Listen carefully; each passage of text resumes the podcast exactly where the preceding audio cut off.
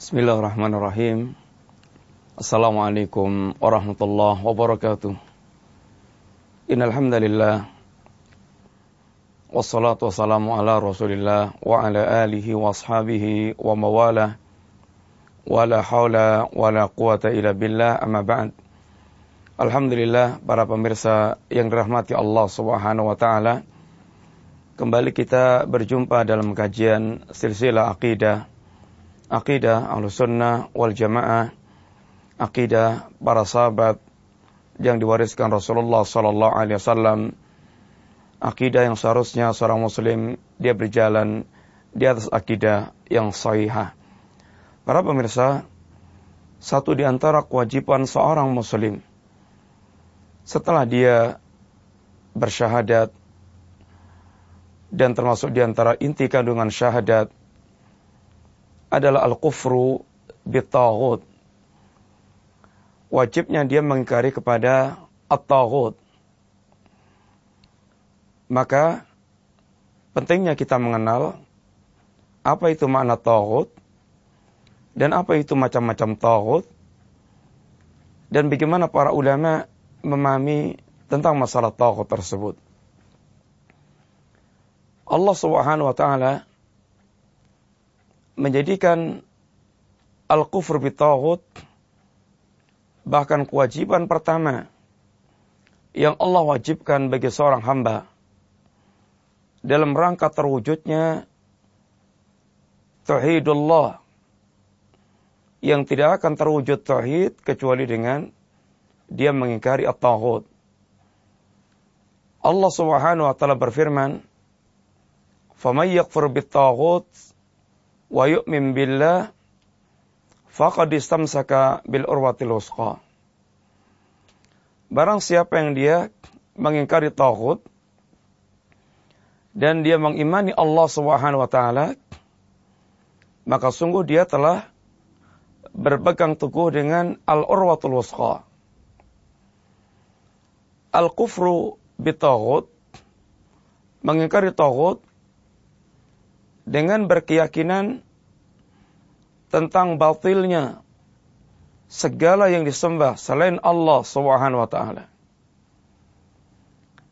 Dia melakukan sikap berlepas diri dari segala yang disembah selain Allah Subhanahu wa taala. Dia mewujudkan kebencian dan permusuhan kepada para taghut dan dia mengadakan itu al-adawah sikap permusuhan dan berlepas diri dari semua para pembela atau orang-orang mereka berada dalam barisan at-taghut. Beriman kepada Allah Subhanahu wa taala yaitu dengan mewujudkan ubudiyah yang khalisah, pengambaan yang murni, yang tertuju hanya kepada Allah Subhanahu wa taala. Dia memberikan kecintaan kepada tauhid dan orang-orang yang mereka mentauhidkan Allah atau dia menegakkan al-wala, kecintaan dan pembelaan kepada para pelaku tauhid pada tauhid dan para pelaku tauhid. Barang siapa yang dia telah menegakkan atau mewujudkan dua perkara tersebut. Al-kufru bitaghut wa yu'min billah wal imanu billah maka dia telah berpegang teguh dengan tali yang sangat kokoh al-urwatul yaitu kalimat la ilaha illallah. Sehingga kalimat la ilaha illallah di sana kandungannya adalah al-kufru bitaghut wa yu'min billah. La ilaha al-kufru bitaghut. Ilallah wa yu'min billah. Orang menggabungkan, menegakkan perkara ini, maka sungguh dia telah mewujudkan tauhidullah. Para pemirsa yang rahmati Allah Subhanahu wa taala. Berkaitan dengan makna taghut, Para ulama memiliki beberapa ungkapan. Para salaf kita memiliki beberapa ungkapan. Semisal sahabat Umar ibn Khattab radhiyallahu anhu beliau mengatakan at-taghut adalah syaitan. At-taghut adalah syaitan. Imam Malik beliau mengatakan bahwasanya at-taghut kullu ma ubida min dunillah. Semua yang disembah selain Allah Subhanahu wa taala. At-taghut. Bahkan di sana ada ungkapan-ungkapan para salaf yang memberikan contoh-contoh tauhid. Di antara mereka mengatakan ad-dinar wa dirham termasuk di antara tauhid. Bahkan antara mereka pula mengatakan ini al-a'immatul dalal atau manda'a ila dalalah setiap penyeru kesesatan maka mereka juga tauhid dan juga al-kahin para dukun adalah tauhid, as-sahir, tukang sihir adalah tauhid, as-sanam, ini patung juga tauhid. Sehingga di sana tauhid ada berbagai ungkapan yang para ulama ungkapkan. Yang di antara mereka memberikan contoh-contoh ketika mengatakan tentang tauhid. Dan para ulama di antaranya membawakan definisi yang dianggap sangat komplit atau paling mewakili dan mencakup semua pembicaraan para ulama yang lainnya.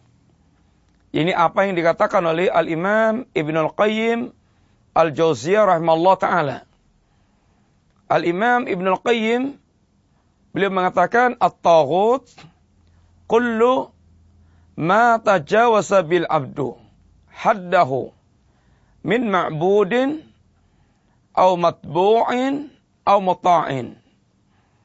Tauhid adalah segala yang menyebabkan hamba melampaui batas dari batas-batas yang diwataskan atau yang menjadi batas-batas baginya. Melampaui batas dan batas seorang mukmin adalah kalimat syahadat syahadatain la ilaha illallah Muhammad Rasulullah. Kemudian beliau tegaskan min ma'budin baik dalam bentuk yang disembah dalam bentuk sesembahan sesembahan yang menjadikan seorang dia menyembah selain menyembah selain Allah Subhanahu wa taala maka segala yang disembah selain Allah adalah tauhid maka itulah yang dikatakan oleh Imam Malik di antaranya, Kullu ma'ubida min dunillah.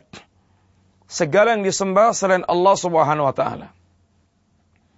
Au matbu'in, atau yang diikuti. Para ulama, para tokoh, para pembesar, yang mereka ikuti, dan menyebabkan melampaui batas, sehingga tidak lagi beritiba kepada Rasulullah sallallahu alaihi wasallam akan tapi justru mengikuti para pemimpin yang menyesatkan dari jalan Allah Subhanahu wa taala maka dia tagut demikian juga min muta'in au muta'in atau yang mereka taati dari para pembesar-pembesar negeri dari para penguasa-penguasa yang mengantarkan mereka melampaui batas. Mereka keluar dari batas-batas kehidupan mereka yang seharusnya mereka bertauhid kepada Allah, menyembah kepada Allah. Dan seharusnya mereka mengikuti itiba kepada Rasulullah SAW. Maka para pembesar negeri, para pemimpin yang mereka menyebabkan keluar dari batas-batas tersebut, maka dia tauhid.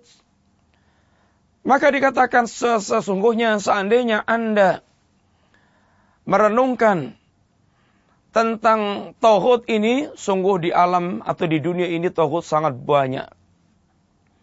Sungguh tauhid sangat banyak. Akan tapi di sana ada ru'usut tawahid.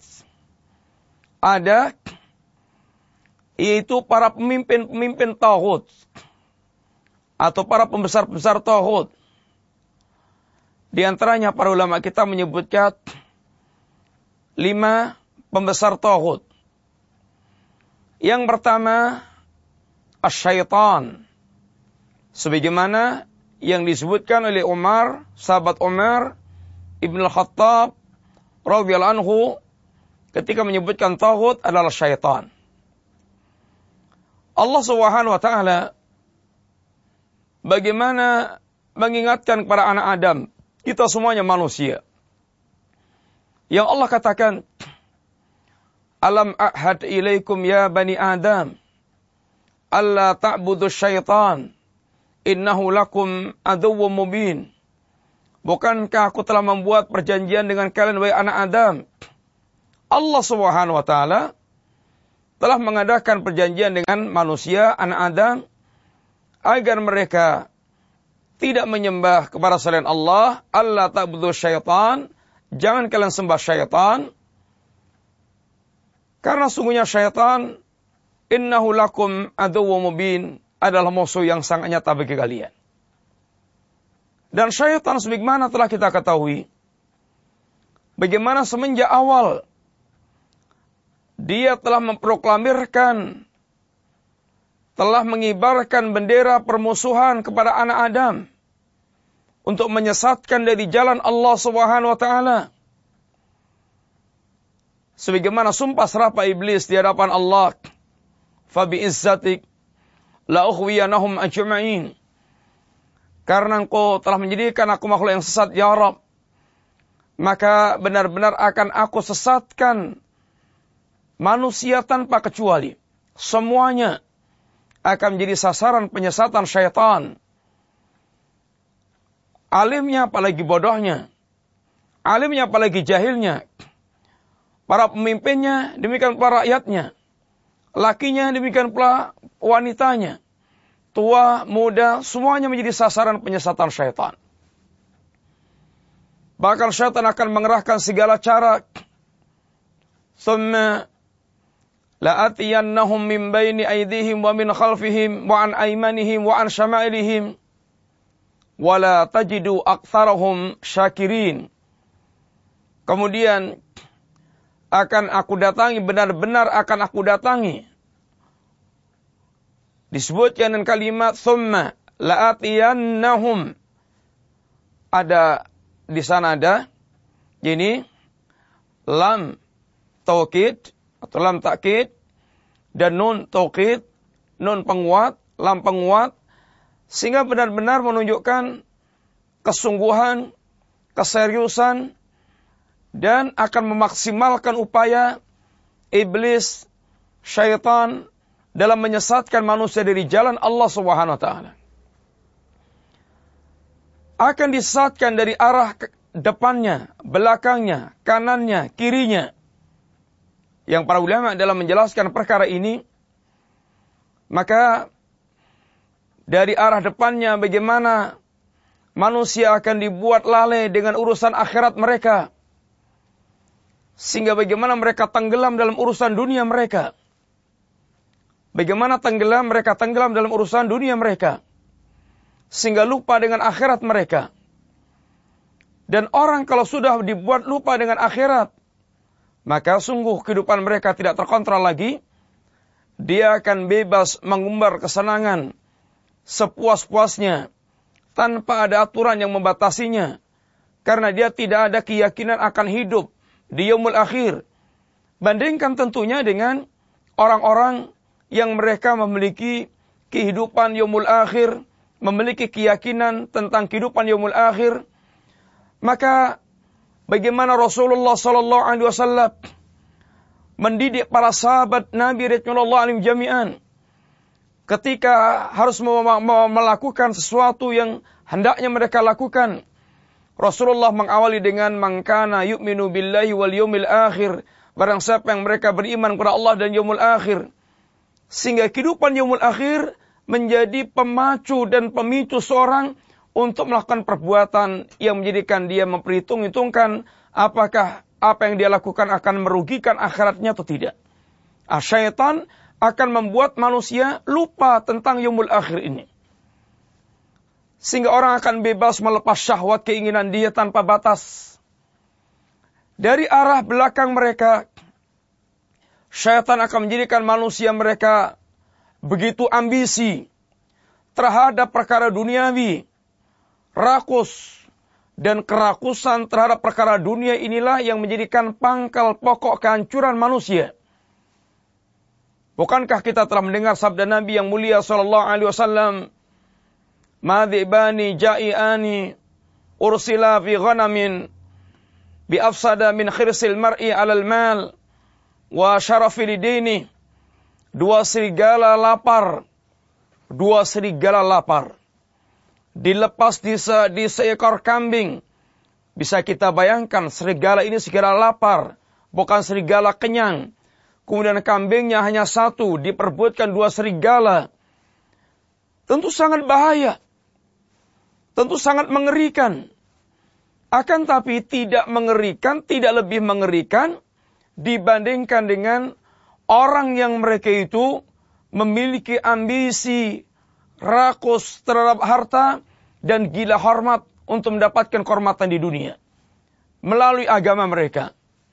Sehingga agama sebagai sarana untuk dia mendapatkan kehormatan. Maka sungguh ini sebuah kebinasaan. Dan sungguh ini merupakan sebuah kehancuran. Sehingga mereka tidak peduli lagi dengan apa yang harus dia pertanggungjawabkan di hadapan Allah SWT. Mereka akan tenggelam dalam mengumpulkan dunia tanpa peduli halal dan haram. La tiyanna ala nasi zamanun la yubadil mar'u bima akhadal mal amin halalin amin haram. Bahkan Nabi kita mengingatkan mengatakan nanti benar-benar akan datang waktunya di mana orang tidak peduli dengan harta yang dia kumpulkan apakah dengan cara yang halal atau dengan cara yang haram.